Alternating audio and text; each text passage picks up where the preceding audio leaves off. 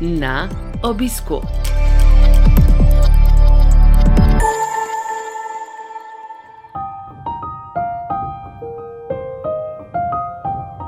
Dobrodošli v novi epizodi serije podkastov na obisku, ki nastaja v produkciji Slovenskega združenja bolnikov z limfomom in leukemijo.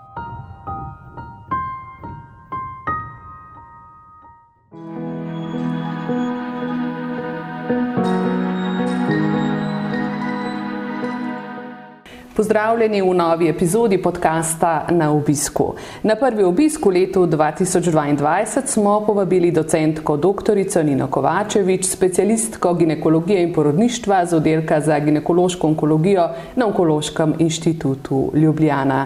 Dr. Kovačevič, hvala lepa, da ste si vzeli čas in prišli med nas. Lepo pozdravljeni in seveda z največjim veseljem. Pa kljub temu, da prihajate z oddelka za ginekološko onkologijo, ne bomo govorili danes o ginekoloških rakih, temveč bolj o težavah, ki jih v spolnosti prinaša onkološko zdravljenje. Te so mnogotere, redko o njih spregovorimo, se mi zdi, da je še zmeraj veliko tabujev, kadar imamo v mislih spolnost.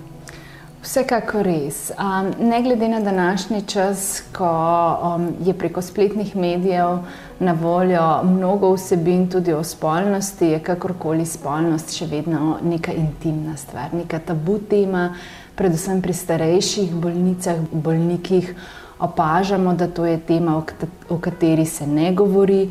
Če pa seveda potem zraven dodamo še diagnozo rakastega obolenja, je pa to sploh tema tabu, o kateri govorimo z izbranimi ljudmi, če sploh govorimo ob izbranih priložnostih. Premnogo, katere krat je potrebno, da dobimo celo, um, recimo, temu neko spodbudo, da o teh težavah spregovorimo.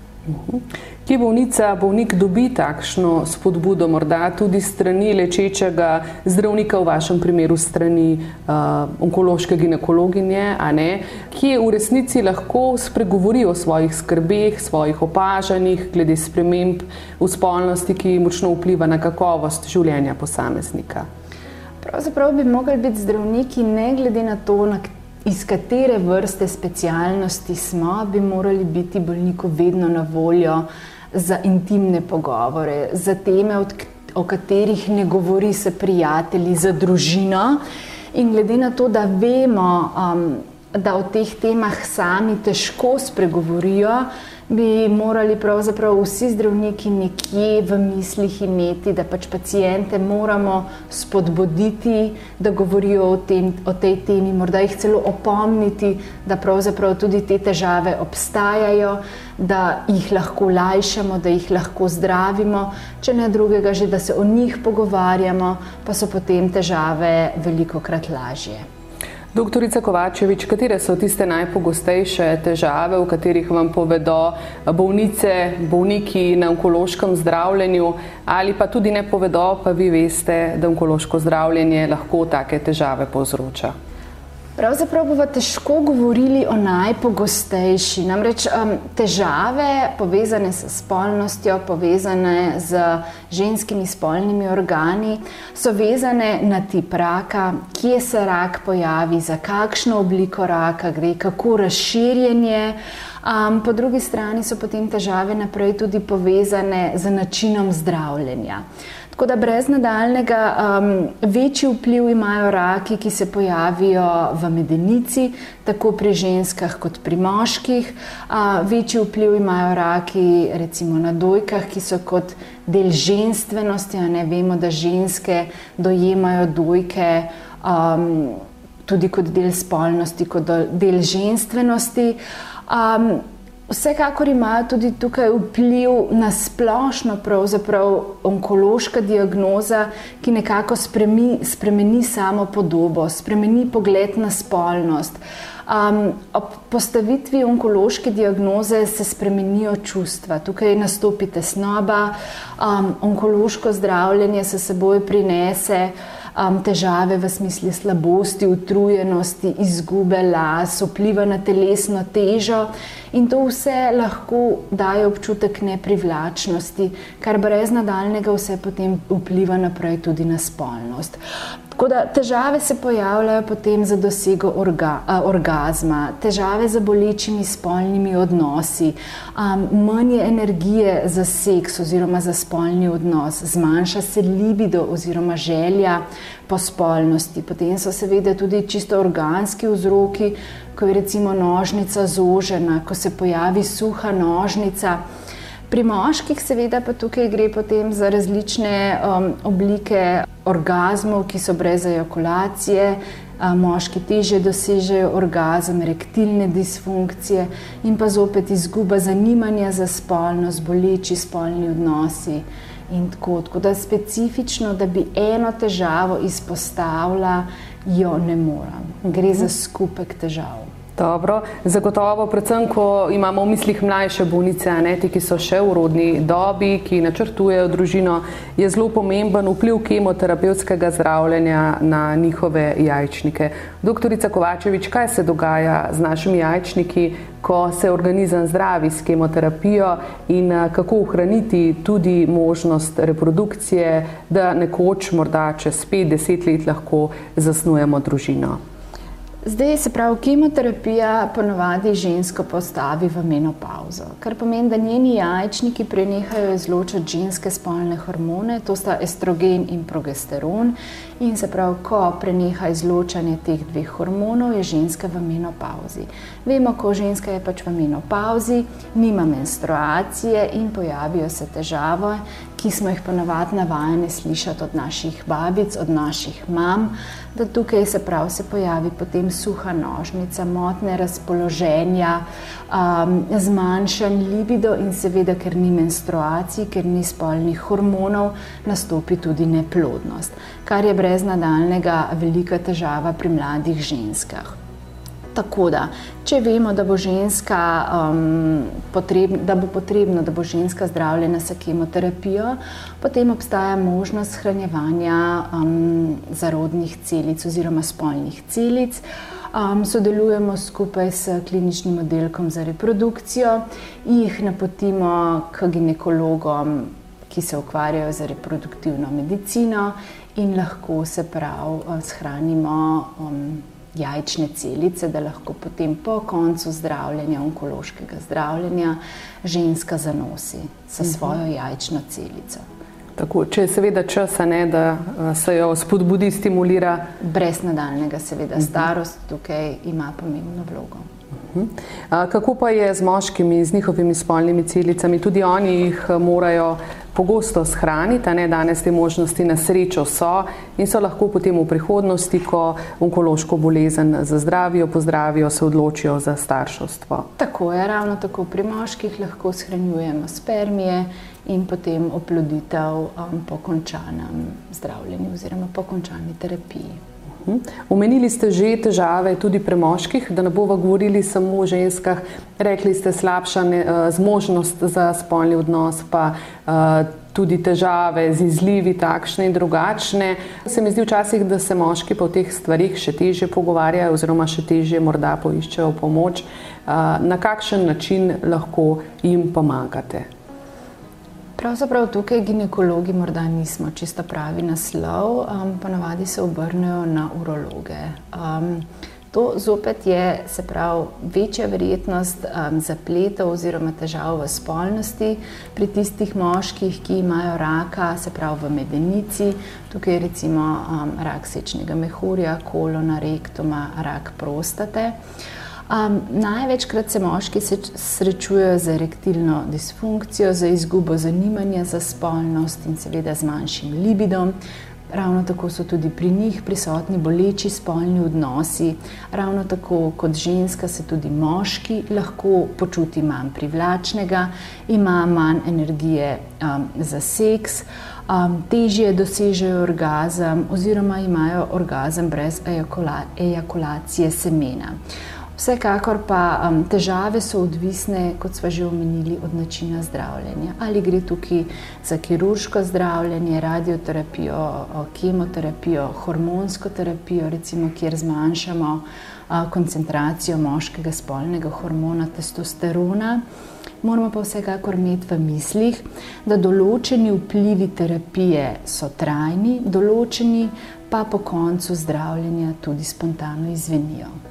To sva, sem vas pa pozabila spodbuditi, ko smo govorili o kemoterapevtskem zdravljenju žensk. Tudi tam so te menopauze lahko trajne, lahko pa samo trajajo krajši čas, pa se potem uh, hormonsko stanje nazaj vzpostavi. Tako je. Ni nujno, se pravi, da je menopauza oziroma prenehanje delovanja jajčnikov trajno. Lahko po prenehanju zdravljenja se delovanje jajčnikov vzpostavi in se pravi, ko se, prične tvor, ko se pričneta tvoriti hormona estrogen in progesteron, se menstruacijski ciklus povrne in v bistvu um, ženska izstopi iz tako imenovane menopauze. Uh mhm. -huh. Kaj pa hormonsko zdravljenje in potem ta posledična menopauza, recimo pri raku dojk in podobno? Hormonsko zdravljenje je pravzaprav blokada delovanja jajčnikov, kar ravno tako pomeni, da v bistvu um, ni izločanja estrogena, ni izločanja progesterona iz um, jajčnika in pravzaprav vse te težave nastanejo zaradi pomankanja estrogenov. Um, s tem se pravi, um, predvsem je to vpliv, ki ga ženske največkrat občutijo na nožnico. Um, zmanjšana je elastičnost nožnice, nožnica se lahko skrajša, um, bolj suha je, kar seveda se seboj potem uh, prinese boleče spolne odnose. Um, Pekoč občutek v nožnici, lahko je neki izcedek, krvav izcedek iz nožnice. Um, Ker so boleči spolni odnosi, so dosti krat neprijetni in seveda posledično se zmanjša tudi zanimanje za spolnost. Res pa je, da menopauzne težave oziroma težave zaradi pomankanja estrogena niso vezane samo na nožnico. Um, prisotno je ravno tako nočno potenje, oblivanje, valunge um, motne spanja, motne koncentracije. Ravno tako se pravzaprav pojavljajo psihološke spremembe v smislu razdražljivosti, neke nerazpoloženosti, tesnobe, depresije. Um, pa prej, ko smo govorili o organskih vplivih, ne na suho nožnico, Ta pomankanje estrogena vpliva seveda tudi na medenično dno, ki, ki rada oslabljeno, ravno tako vpliva na mehur, sečnico in na splošno na spolno funkcijo. Tako da gre pravzaprav na, za neko celostno zgodbo. Ne, um, ki ga pač ima vpliv pomankanja estrogenov. Uh mhm. -huh. Celostno zgodbo, na katero se ženska običajno ne, uh, v času, ko se pripravlja uh, na menopauzo, v resnici nekako pripravlja tudi na te spremembe. Če pride pa rak ne, in zdravljenje raka, je pa to lahko precej hitro se zgodi in se ženska ne more na to pripraviti. Verjetno so potem te posledice za njo še teže ali pa nič, morda v primerjavi z rakom samim. Tako je, ne? če gre za nek um, naraven nastop menopauze, ponavadi telo postopoma um, prične zmanjševati funkcijo jajčnikov. In um, preko leta, dveh ali celo več telo nastopi v menopauzo. Z zdravljenjem se pa to pravzaprav zgodi čez noč. Lahko bi rekli, kot bi odrezal, ni več estrogenov, in seveda ženske potem tudi to um, bistveno bolj aktivno občutijo. Mhm. Zdaj, omenjali ste večkrat to suho nožnico, uh, boleče spolne odnose in tako naprej. Kako lahko bolnici, uh, ki ima ravno v teku, da nima onkološko zdravljenje ali ga je pred kratkim zaključila, pri tem pomagate? Medicina gre naprej, o stvarih se pogovarjamo in tudi pomagate nam lahko. Seveda, absolutno. Tukaj zgodba nikakor ni, ni končana. Um, zopet odvisno, za katero vrsto raka gre. Um, glede na to, da pač suha nožnica in težave povezane s suho nožnico nastanejo zaradi pomankanja hormona estrogena, je najbolj učinkovita terapija nadomeščanje hormonov, se pravi hormonsko nadomestno zdravljenje. tukaj um, nadomeščamo tako estrogene kot progesterone. Progesteron iz vidika, da zaščitimo maternico oziroma maternično sluznico. Vendar žal vse oblike raka ne dovoljujemo, da mi v telo vnašamo hormone, se pravi v obliki hormonskega nadomestnega zdravljenja. Vendar tudi, če tega ne smemo vnašati, se pravi, zgodba še ni končana. Obstajajo tako imenovani nefarmakološki prijemi, kjer lahko zmanjšamo oziroma omilimo težave, ki so povezane s suho nožnico. Tukaj brez nadaljnega gre omeniti, da nimamo instant recepta, da neka stvar stoprocentno pomaga, v enem tednu bo vse rešeno. Um, jaz dosti krat rečem, kar pomaga eni ženski, ni nujno, da bo pomagalo drugi ženski. In ko posameznica najde um, stvar, zdravilo, zgodbo, ki olajša te težave, povezane z suho nožnico, ne vsekakor pri tem ustraja. Zdaj imamo možnosti, se pravi, vlažilcev nožnice, um, ki v obliki gelov ženske vnašajo, um, se pravi, vlažilce v nožnico in delujejo na daljše obdobje. Imamo možnost lubrikantov, spet ponovadi v obliki gelov, ki jih ženska nanese na zunanje spolovilo in pa v nožnico, ponovadi nekaj minut pred spolnim odnosom. Tukaj brez nadaljnega moramo omeniti, da redni spolni odnosi so pomembni, ne? da izogibanje spolnosti ne bo rešilo težave. Namreč pri um, spolnem aktu se nožnica kakorkoli bolj navlaži, je bolj prekrvavljena in to spodbudi celice, ki izločajo sluz v nožnico, da so bolj aktivne. Tako da vsekakor priporočamo spolne odnose in nikakor ne se jim izogibati. Potem v nadaljevanju imamo vaje oziroma tehnike za sproščanje mišic medeničnega dna. Vemo, ne, oziroma lahko si predstavljamo, da zategnjene mišice um, še dodatno um, povzročijo, da je spolni odnos neprijeten, tako da ko se naučimo sprostiti mišice, je že iz tega vidika spolni odnos lahko bolj prijeten. Potem imamo možnosti zdravljenja z laserjem oziroma z radiofrekvenčno terapijo, kjer s pomočjo toplote oziroma laserskih žarkov delujemo na kolagenska vlakna, um, s tem ne bi se povečala prekrvavitev nožnice. Tako. Pri hematonkoloških eh, bolnikih ne, je vedno velika, velika skrb in pozornost usmerjena k preprečevanju okužb zaradi neutropenij, ki se pojavljajo kot posledica zdravljenja med zdravljenjem. Kako je z varnostjo spolnosti med zdravljenjem? Je ta sploh recimo dovoljena, kadar gre za tako naporno zdravljenje, kot je zdravljenje limfoma in leukemije lahko, ali je bolje to odložiti? Jaz bi rekla, da v osnovi tukaj glavno besedo ima internist onkolog. Tako da to je brez nadaljnega um, individualno vprašanje, namenjeno internistu, onkologu. Ampak, če stvar malo posplošiva, um, je, kar se tiče kemoterapije in spolnosti, načeloma pravilo, dokler obstaja želja po spolnosti, po spolnem aktu, potem um, je spolnost um, dovoljena.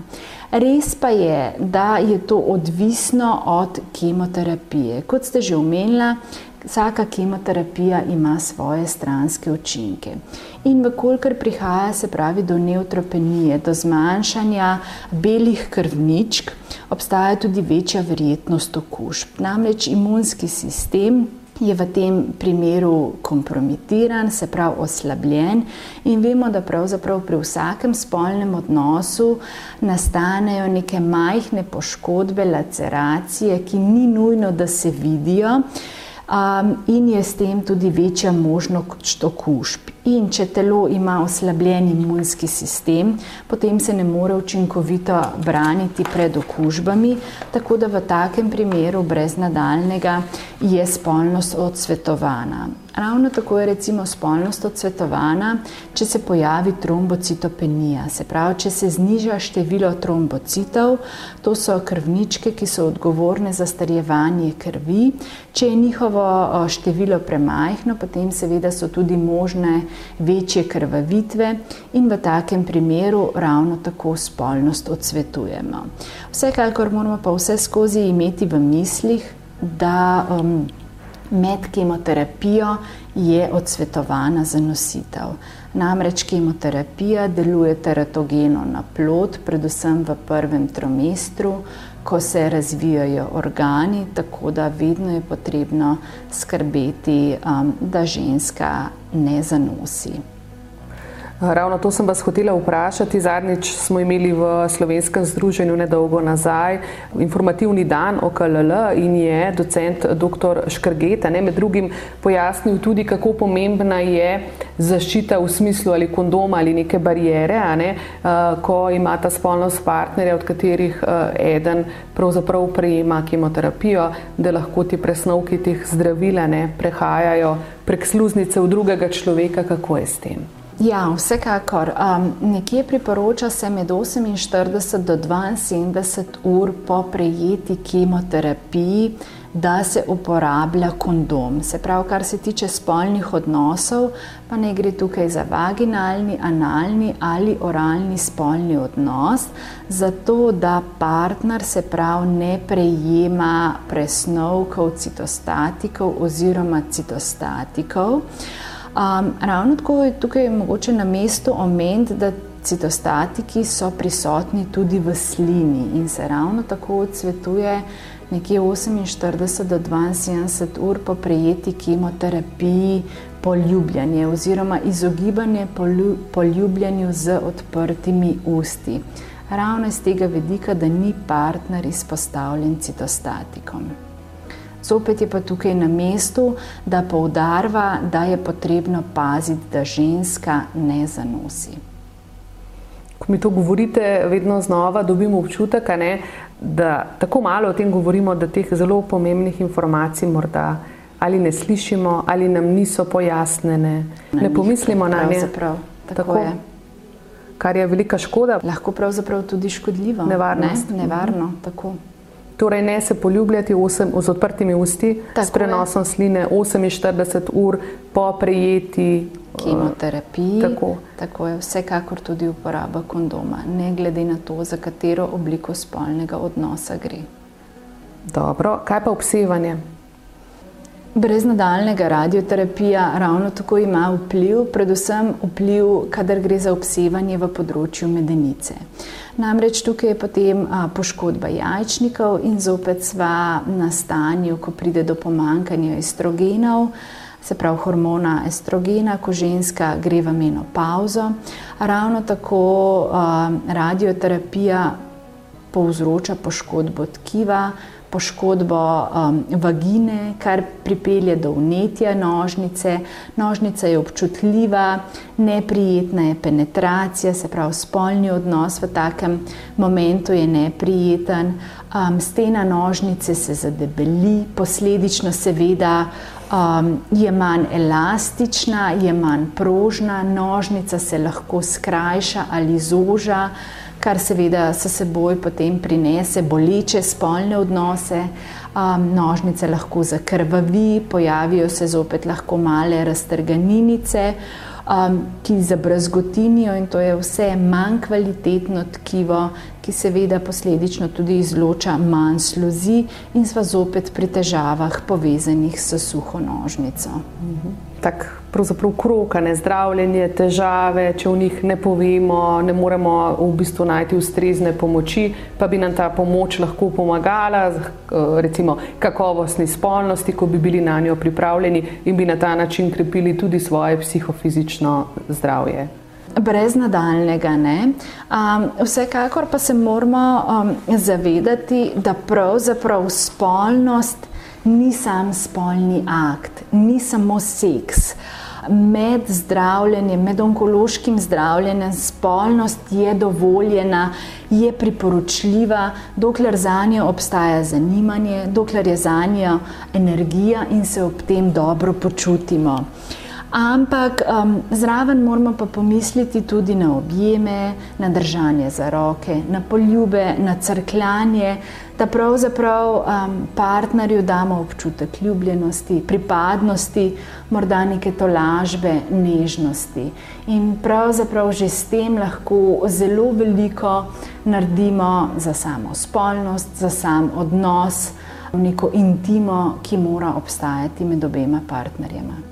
Ravno vse to, kar ste našteli, je pa najbrž bistvo intime med partnerjema. Ne? Brez nadaljnega. Doktorica Nina Kovačevič, najlepša hvala za ta zelo, zelo zanimiv pogovor. Najlepša hvala za vabilo.